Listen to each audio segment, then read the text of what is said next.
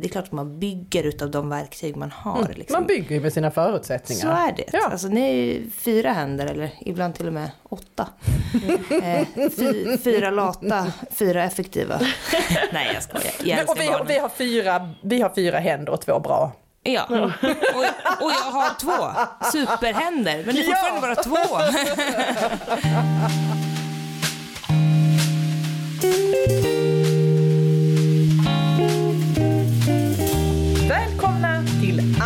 Annorlandet. En podd om att välja ett liv på landet med allt det underbara men också allt det skitjobbiga som det innebär.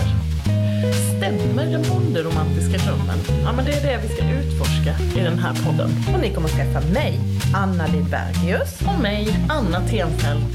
De två Annorna alltså. På landet. Annorlandet.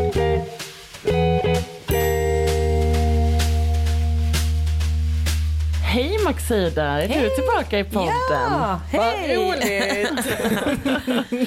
Ja, men vi, vi visste väl redan att du skulle vara eh, återkommande. Jag tänker det kanske inte är sista gången nu heller som du är med. Men eh, tack för senast får vi väl säga. Tack själva, mycket trevligt. Kul att vara här igen. Mm. Vi har gått och tänkt så otroligt mycket. Jag har tänkt på renskötsel oavbrutet. jag Jag kanske kanske blir det istället för getter eller lamor i trädgården. Ja, det blir svårt, tror jag. Jag frågade ju Maxida för ett tag sedan om vi inte kunde ta hit några renar. Då grät jag. Högljutt. Då sa hon, nej vi skaffar några alpackor här Ja, nere det är istället. sant. Jag tycker också att vi ska förhålla oss rätt så bra till det här med att klimatanpassade djur där de ska vara. Absolut. Det låter rimligt. Mm. Och eh, eftersom jag pratar om att jag vill ha fjällkor eller fjällnära kor. eh, så ska jag också säga att de är faktiskt en av våra vanligaste koraser här nere också. Så de mår alldeles utmärkt här. Det är också världens vackraste kor. Ah, de är så Ja, fina. de är otroliga. Mm. Vad roligt att du också vet vad det är. Jag hade ingen aning. Jaha. Nej, inte den blekaste. Oj. Ni hör ju hur väl bevandrad jag är bland korna. Men hörni, idag så tänkte vi ju prata lite om eh, alltså, vilka olika förutsättningar en har i livet och hur det påverkar hur en kan leva sitt liv och sådär.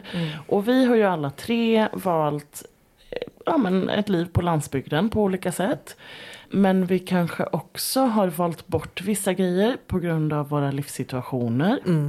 Och det tänker jag att vi ska prata om idag. Men också så behöver vi ju vara väldigt medvetna om att eh, det är inte alla som har möjligheten att leva som vi gör heller. Nej. Och diskutera det lite grann och hur den skulle kunna se på olika möjligheter att, att kunna leva på landsbygden även om det inte är på det mest traditionella sättet. Vad tror ni om det? Bra. Tycker det låter Spännande. jätteintressant. Då tänker jag ju med en gång, eh, Maxida, utifrån att ditt jobb är att vara artist och resa så pass mycket som, som du gör ändå i ditt jobb. Vad är det du känner att du får göra avkall på i ditt liv på landsbygden då? Ja, men en sak som jag måste liksom göra avkall på, som faktiskt är en sorg, är ju just att kunna ha djur. Ja, Och där får jag väl ändå säga att jag har väldigt tur som kommer från en renskötarkultur, därför det egentligen är det optimala. Att ha fritt boskapsdjur som dyker upp då och då. de Precis som sköter sig mig. själva. De gör ju det liksom. Och så är ju inte re- renarna inte sällskapsdjur på det sättet. Så det är lite så putslustigt jag säger det. Men eh, jag skulle gärna ha massa hundar till exempel kring mig. Älskar hundar och jag är ju jämt ute i skog och mark. Så att ibland är det ganska så tjänligt för att när jag väl är hemma så är det ju, då är allt optimalt att ha djur. Och alla djur tycker det är jättekul att vara med mig för att jag är bara ute hela tiden. liksom. Men eh, det kan, jag kan inte det. Jag är liksom halva tiden på resande fot. Mm. Och det- ska sägas att jag är också singel. Så Ja. jag, jag bor ju själv med mitt barn på deltid. Och det har ju vi pratat om tidigare, Anna, just det här att leva själv. Om det ens är möjligt att leva ett landsbygdsliv, så som du och jag gör i alla fall. Alltså just med när man har skötsel och när man har djur som du nämner, är det ens möjligt? Det kanske abs- absolut inte är möjligt om man reser mycket i sitt jobb. Nej. Men bara liksom att vara hemma och vara själv med ansvar för djur och hem kan ju vara nog så svårt. Absolut. Ja precis och jag märker det för min man, när du är iväg och reser då är ju ofta min man också iväg och reser eftersom ni reser tillsammans då. Mm. och eh, då, jag vet att jag har nämnt det i podden innan också, att det märks så väl när Henrik är borta en lite längre period. Säg att ni är iväg två veckor och jag är ensam hemma med alla djur, med hela gården och ja. allt det som behöver göras och barnen. Eh, och att då, då känner jag bara så här, nej men gud det här livet är inte gjort för att vara ensam. Nej. Det är svårt, jag alltså en sån eh, situation, ja men det var ju till exempel i vintras, vi hade några, och det händer ju varje vinter, men i perioder så kommer det fruktansvärd mängd med snö. Mm. Och är jag borta du vet, några veckor, det kan vara katastrof. Alltså om ingen har underhållit det där kring huset. Det kan vara allt från att alltså, snön börjar rasa från taken och gå igenom fönstret. Om du inte underhåller det hela tiden och får bort snön från taket. Till att du tar inte in i huset. Alltså du, du tar inte på gården. Det snöar liksom de mängderna, så det är två meter snö.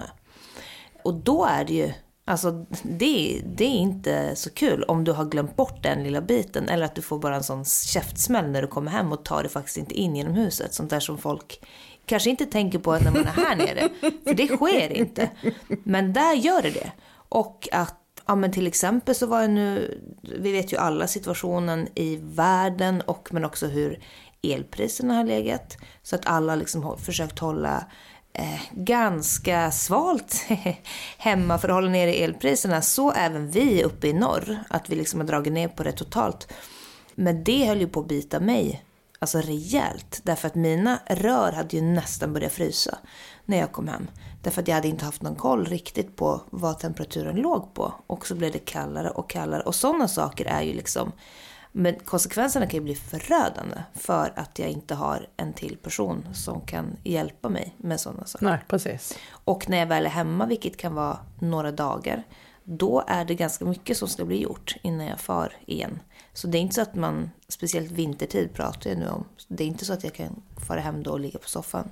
Vila upp dig lite? Nej, nej det är faktiskt inte det. Utan mm. då måste jag ta igen allt det där och göra det ensam och med barn och jobb som kanske fortsätter online, eller vad man säger. Det, ja men vissa dagar är det lite slitigare än andra. Mm. Mm. Och där tänker jag, du och jag har ju pratat väldigt mycket om det, att vårt liv som vi har valt här ute är på något sätt någonting som är lite för de lyckosamma. För mm. att jag tror att det finns väldigt många människor som lite som du beskriver här, man är ensam, man är, mm. har barn, man har ett jobb som man är beroende utav, som mm. gör att man faktiskt måste välja bort det här livet. Det är inte ens möjligt att tillåta sig att tänka på.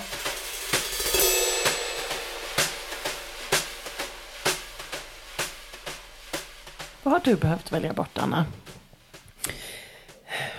Ja, egentligen så tänker jag så att vi har nog inte behövt välja bort jättemycket. Inte så som vår livssituation ser ut, där vi är två stycken, vi har god hälsa båda två.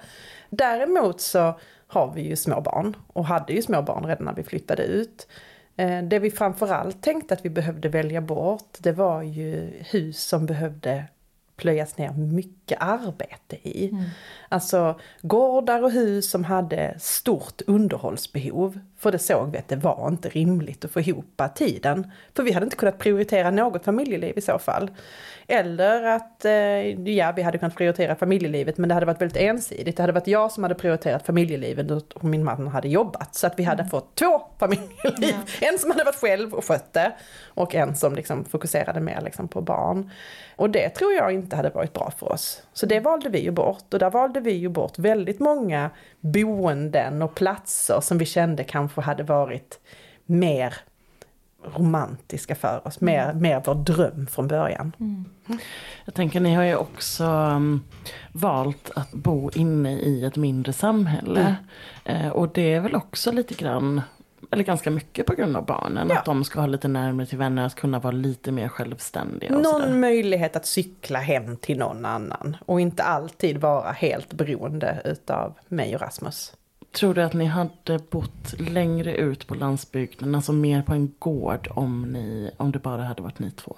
Det tror jag att vi hade gjort och jag tror också att vi hade gjort det om vi hade flyttat ut när barnen var äldre. Mm. Och det gjorde ju vi, flyttade ut när barnen var äldre. Ja precis, det är precis så som ni har agerat. Ja och vi flyttade ju ja men mer då ute på en gård och med mer mark och så. Men det jag har kompromissat bort, eller vi, eh, på grund av barnen är ju sjötomt som är min jättestora dröm fortfarande. Alltså jag älskar vatten, det är det bästa jag vet. Mm. Och eh, det går ju inte, alltså ekonomiskt så hade inte vi haft råd att, att eh, liksom få in det som en faktor med alla de andra grejerna vi ville ha när vi behöver bo här nere och barnen ska gå kvar i skola och ha kvar sina vänner och så. Eh, och också skog. Min, Ja. ja, min stora dröm är ju liksom att bo, ha skog på ena sidan och en stor sjö på andra sidan. Alternativt havet. Havet funkar också. Vilket vatten som helst funkar för Ja. mig. Ja, där ska jag, det har jag och eh, den ena Anna här då. Anna T, får jag väl säga. ehm, pratat en del om att det är ju en sån sak som är superviktig för mig också. Närheten till vatten, vilket jag har, och skogen. Som jag nog inte ser att jag kan leva utan. Men det som sagt säger jag också väl medveten om mitt privilegium att jag kunde få det också. För jag har ju inte en sjötomt, men vi har ju sjöar runt om. Alltså det tar ju så några minuter för oss att gå och bada åt nästan vilket håll som helst. Och skog är rätt utanför dörren. Men sen tycker jag också att det är intressant det här vad man är tvungen att välja bort. Som jag tänkte att jag också, det är spännande att fråga er om. Därför att jag får ju ofta eh, frågan och förutsättningen om mig och mitt liv är, är att jag ska sakna en massa saker som jag överhuvudtaget inte saknar. Som vadå? Klubbliv, affärer. Vi var för gamla för klubbliv. Ja, men, eh, men jag, klubbliv har egentligen inte någonsin riktigt så varit min grej. Men det är väldigt många saker som jag märker att gemene man och speciellt i min bransch kanske, eh, verkligen, det är väldigt viktigt för dem att ha i sitt liv. Som jag tror att folk kan tänka att jag har fått välja bort. Men det är inte så för mig. Alls. Utan det finns inte ens som ett så att åh, jag, jag, ja, ja, men jag fick i alla fall skogen så jag får väl leva utan klubben. Typ. Alltså det, jag, det är inte så. Så jag måste ändå säga, det är också intressant det där med hur, hur, vilka personer som då väljer att bo så här.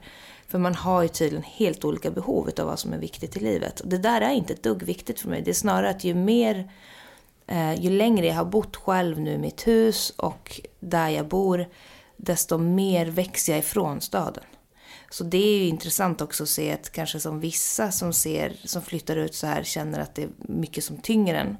Och man kanske vill förenkla saker så för mig har det nästan blivit tvärtom. Att jag är ju nu beredd att ännu snabbare ta mig ännu längre ut på vischan. Alltså, eller ännu längre in i skogen, längre ifrån grannar, längre ifrån samhället. Och ser ju en tjusning i att vara tvungen att bli duktigare helt enkelt på allting. Sitta där ute off-grid. Ja men alltså, och det är ju, men, ja men det är så. så. Mm. Jag, jag bor gärna off-grid och det är verkligen inte för alla. Och det tror jag också, så det måste vara i alla fall, nu känner jag ju bara Anna T väldigt väl. Men att det är ju inte alla personer som klarar av att vara för sig själva. Nej. Alltså i sin, e- i sin egen takt utan massa saker som händer runt omkring en och, och kan känna ett lugn i det. Det är ofta tvärtom. Men eh, det ska jag ändå säga, jag tycker det är intressant just det där grejen att vad man har valt att välja bort är så olika för folk. Det, det vet man ju själv, jag har också vänner som har flyttat ut men som ganska, som lider utav um, saknaden utav det här minglet och att det, du alltid kan gå in i smeten när du känner dig kanske lite ensam. Och, så jag, jag, jag tycker det är ganska spännande vad man har för personliga behov. Liksom. Och vad man har för förutsättningar tänker jag. Alltså, vi har ju pratat en 100%. hel del om det här om att där är kanske många människor som oss som går med den här längtan men man kanske faktiskt också saknar förmågor eller har faktiska hinder för att, att klara av livet så som du säger. Jag tänker psykisk ohälsa eh, som kanske pendlar upp och ner. Det finns perioder där du faktiskt rer det livet men perioder där du inte alls klarar det. Hur, hur ställer man sig till det då? Då kanske man faktiskt väljer bort livet aktivt fastän man går och har drömmen. Och lite så som du beskriver här, ja men flytta långt ut, ja men har jag ingen möjlighet faktiskt att själv förflytta mig. Till exempel körkort eller allt möjligt vad det nu kan vara som man kan ha med sig in i det. Det, det kan ju faktiskt göra att folk måste välja bort det, Ja, men även om man sitter på drömmen. Det tänker jag, det vet ju du Maxida, du har ju ganska nyligen ändå tagit körkort. Ja, Det är faktiskt så. Mm. Du bor i Jokkmokk, långt från allt. Du reser dessutom jättemycket. Och det tog lång tid eh, innan du skaffade körkort. Det gör sen- mig förvånad. Jag trodde typ att alla i norr föddes Ja, det- med Ja, körkort de, i de handen. gör det också. Man gör det. Och, men där var väl liksom den... Eh, eftersom att jag hade växt upp i, på båda ställena Ja. så hade jag också en del där, en, en klick som inte hade körkort. Och jag drog efter gymnasiet, alltså på en gång får jag. Då vill jag, då, den tiden vill jag bara slippa Jokkmokk. Så då stack jag. Ni För- hör ju hur förutfattade meningar jag har. Nej, nej men vet du vad, de är inte det. Alltså det, jag var sällsynt, uh, I was a rare kind. Um, så är det faktiskt. Och det är ändå troligt att jag klarade mig så pass länge. Men där ska jag också säga, jag, måste, jag återkommer till det och det kanske låter tjatigt men jag är väldigt privilegierad. Och har ju faktiskt på ett sätt ändå kunnat överleva utan körkort för att jag Ehm, ja men gud, jag har ju människor, Anna till exempel är ju en utav de som hjälper till att fixa resor mellan gig och hit och dit. Alltså en vanlig människa har inte sånt. Alltså du vet, en vanlig människa har inte eh, mitt yrke så att det, man kan bli flyttad från A till B till C. Alltså på det sättet. Så att jag har också kunnat överleva utan körkort för att jag har haft en fot i två världar. Men har du inte det, då är det jätte, jätte, jättesvårt. Ja, för man tänker ju liksom det scenariot att bara flytta ut utan körkort, Mm. inget sätt att förflytta sig, inget kontaktnät, kanske ingen anknytning till bygden man flyttar Mm. till. Ja, hur gör man då? Nej, men och för mig ska jag ju säga, det är de senaste åren har jag ju bott, alltså som jag, för fem år sedan, 2018, då valde jag att flytta hem igen till Jokkmokk. Liksom där man bestämde sig så här, nu är jag här. Innan dess, då hade jag ju varit alltså, fram och tillbaks konstant, alltså mellan alla möjliga ställen.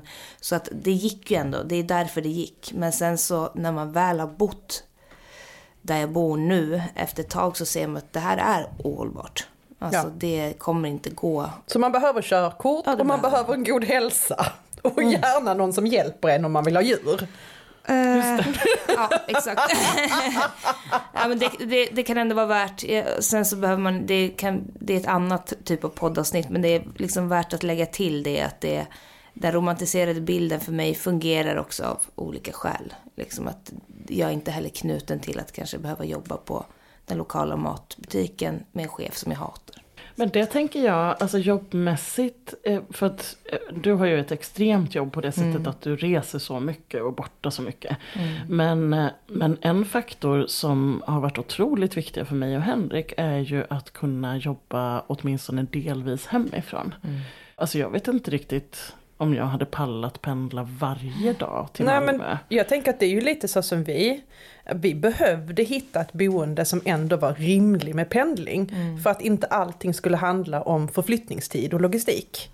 Och det tror jag påverkar jättemånga. För du och jag har ju pratat om det tidigare. Ja, men vilket ekonomiskt läge kommer man upp i då? Mm. Om man vill hitta ett boende som fyller upp de kriterierna man vill ha för landsbygden. Men också Mm. som gör att ens logistik blir möjlig. Jag får ju ofta höra, eftersom att jag har nu fötterna i två världar, alltså det finns ju också sånt förlöjligande från stadsbor mot landsbygdsbor och vice versa. Förlöjligande från landsbygdsbor mot stadsbor. Och det hör ofta från stadsbor hur den här mot landsbygdsbor är, är ju att folk kan vara helt så, hur fan, vad kul att, att bo där, bara pota på i trädgården och då jobba på ICA typ. Ja, men de här människorna kanske har valt att det är huset, det som är runt omkring, det går först. Jobbet kommer sen. Och samtidigt som de som väljer att bo i stan, där kan det ofta vara tvärtom. Alltså att kanske jobbet är det, den där livsgnistan och hemmet kommer sen. Och där är vi väldigt unika, jag och Anna T, att vi har, alltså att vi kan kombinera jobb som man älskar med ett boende som man älskar. Och det är få förunnat. Jag förstår fullt ut varför man kan jobba med, ja men kanske lite vad som helst, om man får leva i det där man älskar. Därför att en sak som gjorde att jag också flyttade hem igen var ju jag plötsligt fick perspektiv på hur gemene man, nu låter jag lite hård, men hur gemene man tyckte jag levde sina liv. Jag såg så många som slet och slet och slet för de där två veckornas semester där de kunde få må bra. Och då tänkte jag att det där känns inte värdigt. Jag skulle vilja ha en vardag som är guld och sen kan jag slita, slita som ett jävla djur liksom i perioder. Men när jag kommer hem, då måste jag må som bäst. Jag tycker i alla fall att jag ser väldigt många som lever tvärtom. Och det är som sagt, vi har alla olika förutsättningar. Men det var en sån, sån avgörande. Därför är det värt för mig att resa, göra de här jobbiga resorna, vad man nu ska säga. Att det är lite bökigt logistiskt. Och, för att hemma är ändå min absolut lyckligaste plats. Och det var viktigt för mig att få känna så. För jag har också levt och inte känna så. Nu är annorna törstiga. Vad har ni i glaset idag? Idag har vi återkommit till en sur öl. Det märks kanske att det är lite av en favorit här på Annorlandet. Ja, eller det, vad säger du? här, det här är inte riktigt en suröl. Nej, Det här är en radler. Mhm, och vad är skillnaden då? Det är väl, ja, nu höll jag på att säga att jag vet det knappt, men jag för mig att det är liksom mer att det är öl blandat med läskeblask. Mm. Nu kan jag vara helt ute och cykla. Spännande. Det här får jag nästan googla i efterhand. Du som är så van vid att googla, det här kunde du ha kollat upp innan. Ja, det kunde jag, men nu trodde jag ju att vi skulle dricka suröl och det hade jag ju koll på. Men idag har vi alltså med oss en radler från eh, Weekender heter den. Och den kommer från ett bryggeri som heter Two Pitchers Brewing. Och den här ska vara med passionsfrukt, guava och citrus. Oj, Så jag tror att vi tar en liten slurk på den. Det luktar Åh, det citronskal. Ja. Ja, men det luktar juice. Du, det luktar lite som Solero. ja, det gör det. Ja.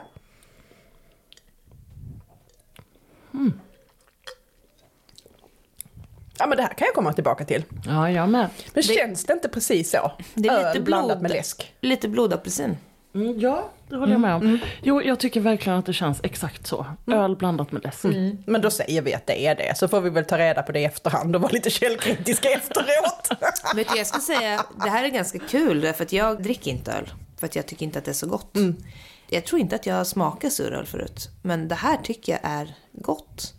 Faktiskt. Jag vet Men man- att många har svårt för suröl. Men det här är mycket mer min stil än, än öl. Jag tror att man får lite också tänka bort ölgrejen. Man får tänka Ja. annan sorts dryck. Så är det ju verkligen för mig, för jag dricker ju inte heller öl, det har jag ju nämnt flera gånger. Men Men det här gillade jag faktiskt. Supergott. gott! Då kör vi Bäst. på det. Skål!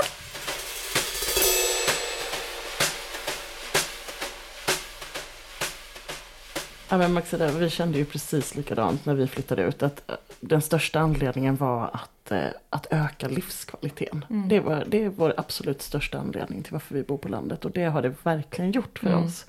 Men jag tänker, om vi pratar, gå, gå tillbaka lite till, du nämnde innan att en grej du har fått offra är att ha djur. Till exempel hund skulle du vilja ha i en drömvärld. Och hönsen sneglar du på när du är här oss.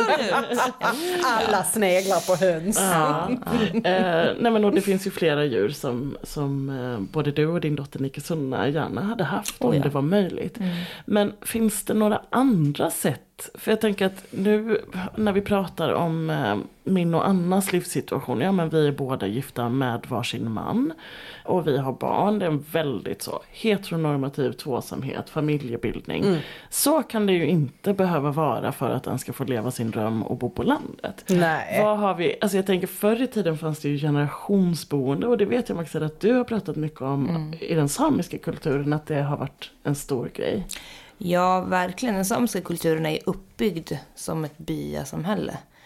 Att eh, alla tar hand om varandra. Och att det finns en uppgift egentligen för alla, även när du blir gammal. Så att jag minns ju när jag var liten, så till och med då bodde ju de äldre hemma. Oftare än på ålderdomshem. Så att den där familjära liksom, och det behöver inte ens vara blodsband, men att man tog hand om varandra och bildade som ett community. För det är klart, i alla tider så har det väl funnits folk som ändå har varit ensamma. Och inom renskötseln så eh, har vi också drängar. Alltså nu kallas det för, för skötare liksom, alltså, men, men det är... Funktionen är samma. Funktionen är samma, ja absolut. Det är inte så att alla är i par. Och sen som sagt, heteronormativt ska det inte alls behöva vara för att man ska kunna uppfylla den här drömmen om att bo ute. Utan jag har ju ett exempel där jag och två vänner, vi gick i tankarna ett tag att, alltså vi började spana lite efter någon slags eh, stor herrgård. som vi skulle kunna ha ja, men varsitt hus med små boder och eh, att kunna driva en slags gårdverksamhet ihop. Därför att en utav oss var, var, är en sån person som gärna inte flyttar på sig utan han vill gärna vara kvar i Jokkmokk och pota på greja med sitt och snickra och dona perfekt. Medan jag och, och den andra vännen hade, speciellt jag då, yrken där man, där man kommer och far. Men att alla hade verkligen fyllt en funktion. Man, det var liksom ett sätt, det är ju ett sätt helt enkelt, att det är ett slags så byakollektiv mm. faktiskt. För att det tror jag också är superviktigt. Jag är väldigt så jag ska absolut inte förlita mig på att det dyker upp någon man i mitt liv. Eh, men jag har ju ändå tänkt att jag ska utöka mina drömmar. Och jag, jag har räknat inte med att jag har en partner i det. Mm. Sen är det väl kul om det dyker upp så, men, men jag försöker russa så gott det går i min omgivning för att kunna ändå uppfylla den där gårdsdrömmen till slut. Det du beskriver här med lite så här kollektiv, mm. det är ju i mitt huvud så låter det jättehärligt mm. och jättevackert samtidigt som det vrider sig mm. inombords för jag vet hur fruktansvärt jag själv hade tyckt att det hade varit. Men hade du tyckt att det var det om ni hade separata hus? Jag tror det. Okay. Ja, jag tror det. Mm. Eh, jag och Anna har ju pratat tidigare om att en av mina största anledningar till att bo på landet mm. är att inte behöva undvika ja. att säga hej. Mm. Det här lite smygande längs med kanten, hej hej, och mm. mossa lite i förbifarten, det är mitt värsta. Ja. Och skulle jag bo så, så hade jag ju behövt se mig om. Fall det var tillfälle eller inte. Vi pratade också mycket om att så, det, anledningen till varför det inte är jobbigt med grannar på landet är för att den väljer dem. Mm. Eller kan liksom man göra det när man har skapat någonting sånt och man faktiskt känner varandra eller kommer det att bli tillfället där, där den andra kommer att passa på. Du, vad hade vi bestämt? Oh, oh, men ja, själv, självklart så tror jag Då får vi ha ett kontrakt på det. Ja, men jag, jag, det vi målar upp nu, eller det jag målade upp är absolut inte något så ansök om att bli min husbonde tillsammans Nej. med mig. Utan Men det är ju absolut ett alternativ, mm. tänker jag, för människor som verkligen vill det här och som drömmer det. Det är mm. ju inte min dröm, Nej. men det kan ju vara någon annans. Ja, visst. Mm. Men det är klart att alltså, jag är också så, ett kollektiv kanske inte heller är för mig. Men jag tänker mer ett litet byasamhälle. Mm. Eh, hade nog absolut fungerat. Ja. Liksom. Och det finns ju flera olika sätt att, att leva ute. Men du kommer ju på ett sätt, och det ska jag ändå säga så här, hur självgående man än är. Man är beroende utav andra. Mm. Så är det. Mm. Och därför tror jag också att det är viktigt att man liksom, även om man tycker att man är så socialt inkompetent, övar upp den där. Därför det kan vara avgörande ibland ja. faktiskt, när man har valt att bo väldigt långt ut. Att du, du kommer kanske behöva hjälp att ploga, eller plötsligt så står du där och har ingen ved, eller någon propp går och du får inte igång det, du vet inte hur det funkar. Alltså det, man ska hålla sig god sams med dem man kan tror jag, när mm. omkring en. Därför att hur ensam man än vill vara så kommer man vara beroende av andra. Och det är därför byteshandel har skett i alla dessa tider. Mm. Liksom. Mm. I min umgängeskrets så har vi ju länge eh, skämtat om att så, ja men när köper vi den där grekiska ön och mm. flyttar mm. till? Ehm, för att vi tänker att det kommer skita sig rejält förr eller senare. du vill ha en backup-plan redan? ja. Nej men och då är liksom ja, men, hela jargongen eller samtalet är liksom att eh, ja, men vi har alla typer av kompetenser i vår umgängeskrets. Ja. Här har vi en läkare och där har vi en eh, snickare och mm. här har vi, alltså det, det är mm. verkligen så. Men för mig så är ju det här motsatt. Alltså mitt hjärta klappar ju hårdare och hårdare ju mer vi pratar om det här eh, i motsats till dig då Anna. För att jag, det här är min största dröm. Ja. Jag kan inte tänka mig något bättre än att ha er två. Mm. Bygga och ett mikrosamhälle. massa andra mm. människor som jag älskar och som jag vet är så superkompetenta och grymma på massa grejer. Ha dem i min närhet och få bygga någonting ja. tillsammans med dem. Det är liksom det bästa jag kan tänka mig. Ja, och jag tror att... Eh... Nej, men... Och jag vill bara vara i fred!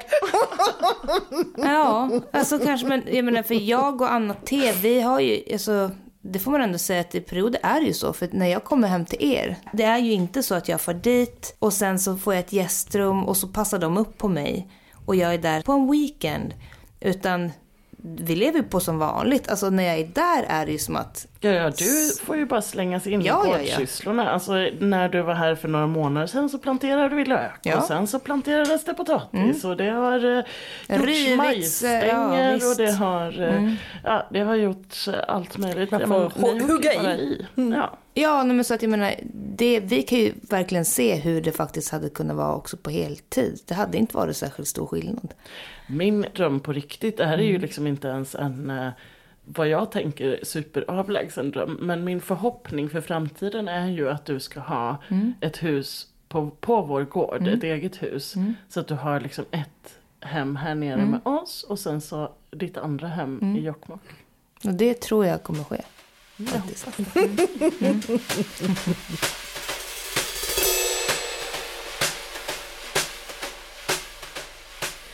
Jag tänker ju på det här, nu har vi varit lite grann inne på vissa avkall som vi kanske behöver göra. Och jag tänker ju då på avkall som jag kanske hade behövt göra om jag inte lever så som jag gör.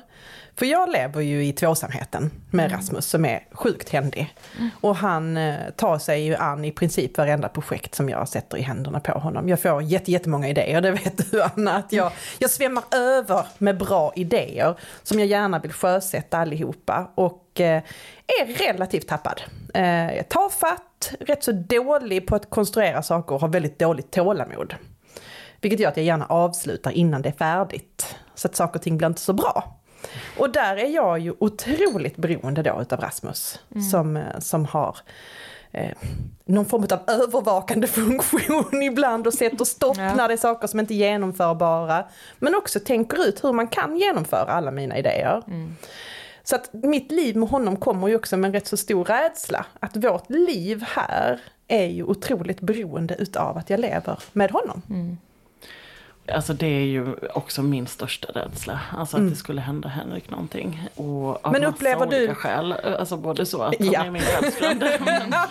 men, men, Det är inte bara en handyman. Nej, precis. nej, men, eh, nej men jag upplever ju också att det här livet är inte gjort för, alltså det livet vi lever just nu, det är Mm. inte gjort för att levas ensam. Utan det, det skulle jag behöva vara två. Och det är ju samma för honom liksom. Men jag tänker det finns ju också andra rädslor, alltså som något som är aktuellt med de senaste årens kriser och grejer är ju ekonomin. Ja. Och hur, alltså hur lånekostnader går upp och om man har råd att bo kvar. Alltså det finns ju så mycket sådana rädslor för hur allting ska utveckla sig. Där kan jag verkligen hoppa in och säga som bor själv och har gjort ja, men, husköpet själv. Alltså med egen ekonomi och eh, renoveringen, egen ekonomi och bankbyten hit och dit och varit med om kris och det har blivit kris ibland, att saker inte går som det ska. Och det ska jag verkligen säga har varit eh, tufft, ibland rent psykiskt. För att, ja men också, det är inte bara psykiskt, det är också praktiskt. Alltså det, där krävs det att man har kött på benen, för det är inte så jävla enkelt ibland. Där är också så, var många som inte hade klarat det. Mm. Alltså att jag är så väl medveten om att det är en läskig värld faktiskt att gå in i. Det är stora summor pengar vi pratar om om man väljer att bo så här ute. För du måste ofta ha ganska mycket att kunna investera med. Och det kan ju också försvinna ganska fort, den stora investeringen. Så det, är ju, det håller jag med om. Det kan jag fortfarande känna en skräck inför att jag står som själv och har väl ingen som kan rycka in. Däremot så ska jag då säga att där har jag Anna och Henrik som känns som mina avlägsna partners. Och då menar jag bara avståndsmässigt. Så på så sätt är jag inte själv liksom i det, i det stora hela. Men, men, eh, men jag förstår definitivt alltså den skräcken att någon försvinner. Och det är därför jag också väljer att försöka lära mig allt hela tiden. För att känna så pass mycket som möjligt att jag kan ta hand om mig själv. För det har du beskrivit för mig, att just det här hur du, hur du faktiskt utmanar dig själv för att lära saker, för att bli så oberoende som möjligt. Medan jag kanske mer och mer jobbar på det andra hållet. Kanske bara blir mer och mer obekväm eller bekväm, beroende på hur man ser det. Och tappar liksom den initiativförmågan överhuvudtaget. Ja, för, för mig är det också väldigt, det är också knutet till att jag har en dotter. Ja. Som också är ensam barn, men, men speciellt för att hon är en flicka. Som växer upp i Sápmi och glesbygd och allt. Att det, hon ska veta om Att hon ska inte behöva en partner för att klara av att eh, leva det liv hon vill le leva. Liksom. Det går ganska mycket hand i hand med Ja. det också. Att det är väldigt viktigt för mig att hon ska kunna se att det här fungerar. Det här kan jag också göra. Och det tycker jag är lite jobbigt i det här. Att, för att för mig är det också ur ett feministiskt perspektiv otroligt viktigt att jag klarar mig själv, jag behöver ingen. Alltså, och definitivt ingen man. och för mig handlar det kanske inte så mycket om att Henrik råkar vara man. Utan Nej. snarare att så, vi har ju under så många, många år skapat ett liv gemensamt. Och det har vuxit fram och vad vi, våra kompetenser och våra roller har vuxit fram i det livet vi har skapat för oss själva och varandra. Men det kan ju hända andra saker. Alltså tänk om jag skulle bli sjuk. Om jag skulle bli rullstolsburen till exempel. Eller ja men det kan ju hända massa grejer. Skulle vi kunna bo kvar på landsbygden då? Jag är inte helt säker på Nej, Nej. nej. Nej, och sådana funderingar går ju jag ju också i. Alltså just där, ja, men vad, vad som händer med barnen, de valen som de kommer att göra framöver, vad är möjligt, vad är inte möjligt, om vi vill vara nära varandra som familj. Men lite för att knyta an till det där som du säger, att ja, men det kanske inte just utifrån att Henrik är man som man. och det tänker jag att det är kanske lite grann det vi också landar in i här hemma. Att det kanske inte är just det att Rasmus är man, utan han har bara mer know-how. Och jag är ju en sucker för saker och ting som går effektivt till. Men sen, jag tror också en sak är ju såklart, man skapar ju det man kan. Ja. Alltså hade jag haft en annan, hade jag haft en partner, då hade jag ju säkert alltså, skapat dubbelt så många saker. Det är ju praktiskt så det fungerar. Att det är klart att jag kan ju inte göra allting själv. Alltså det vet ju jag också. Som vi sa innan, jag kan ju inte ha hund. Alltså jag har ingen som hjälper mig med hunden.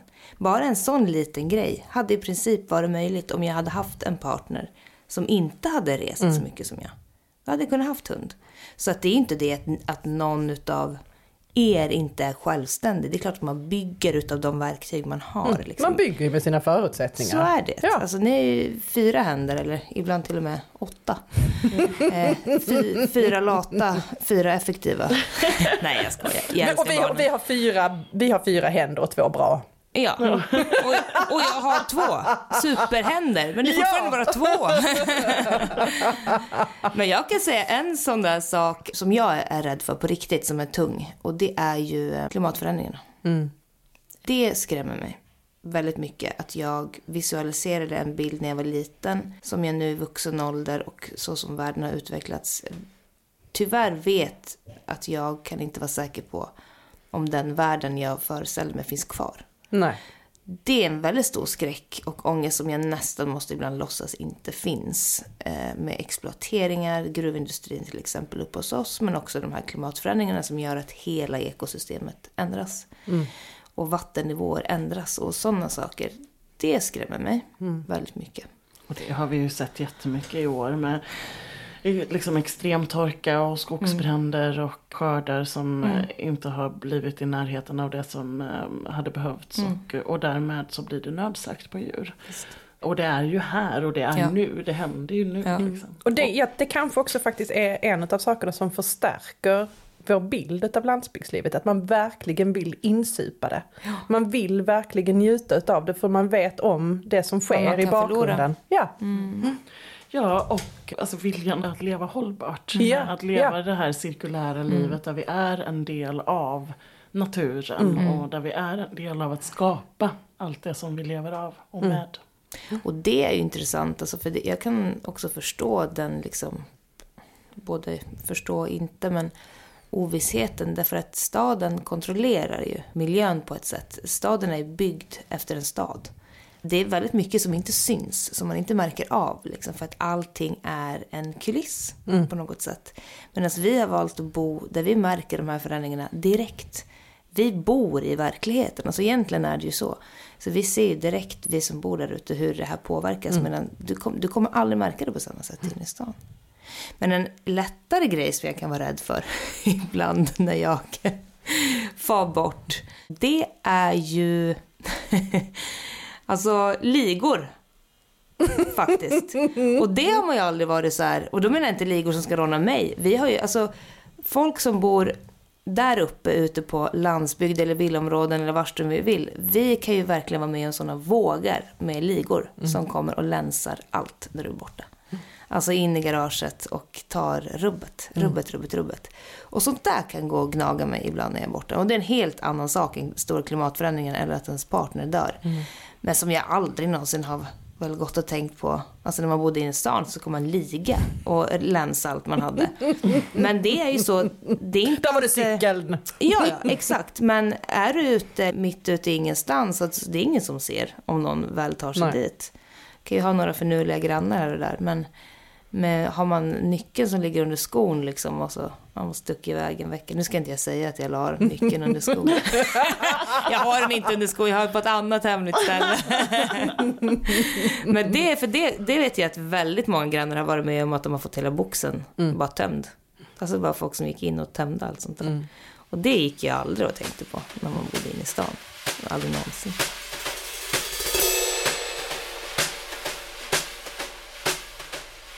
Vad är du rädd för Anna?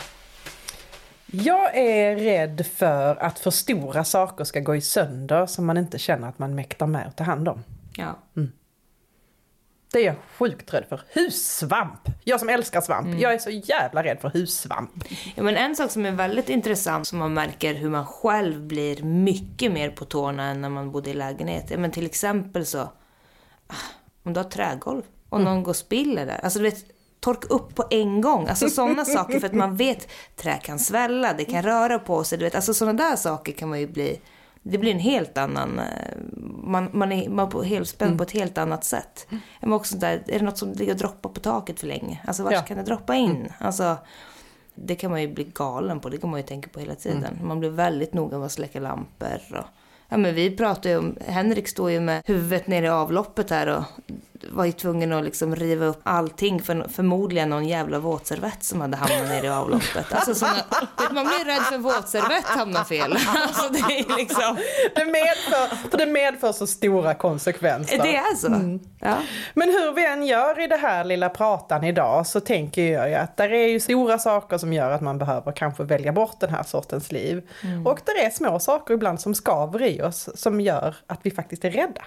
Men, vet du, det bästa är, och det här säger jag ju ofta, men det bästa är att Alltså en har inte fattat alla beslut för all framtid. Utan skulle någonting hända då kan en fatta nya beslut. Det får en väl försöka landa lite i och liksom finna tryggheten i. Att ja, massa av de här grejerna kan hända. Och kommer förmodligen att hända. Ja, och då antingen så reder en det eller så känner en så här, nej nu reder vi inte det här längre och då fattar vi ett nytt beslut som också kommer bli bra. Man får ändra sig fram tills man dör. Ja. Ja, men och alternativet känns väl väldigt tråkigare. Bo i stan. ja. Det är inte för oss. Nej, stan är Nej. inte för oss. Nej. Men det tänker jag avsluta för idag. Vad tänker ni? Ja, härligt. Tack så hemskt mycket Maxida för Tack. att du ville komma tillbaka. Underbart. Gör det igen. Jag är avundsjuk på alla era hundar. Och tack Och män. för att... eh, och med det så avslutar vi för idag. Ja, tack och hej! Tack och hej! Du har hört ett avsnitt av Annorlandet med Anna Lidbergius och Anna Tenfelt. Inspelat i Studio Mitt i Spenaten. Musik och ljudbearbetning av Rasmus Lidbergius och producerat av Henrik Smeding och Rasmus Lidbergius. Vill du komma i kontakt med annorna? Skriv till dem på hej annorlandet.se eller på Instagram. Annorlandet presenteras i samarbete med Amplify Management.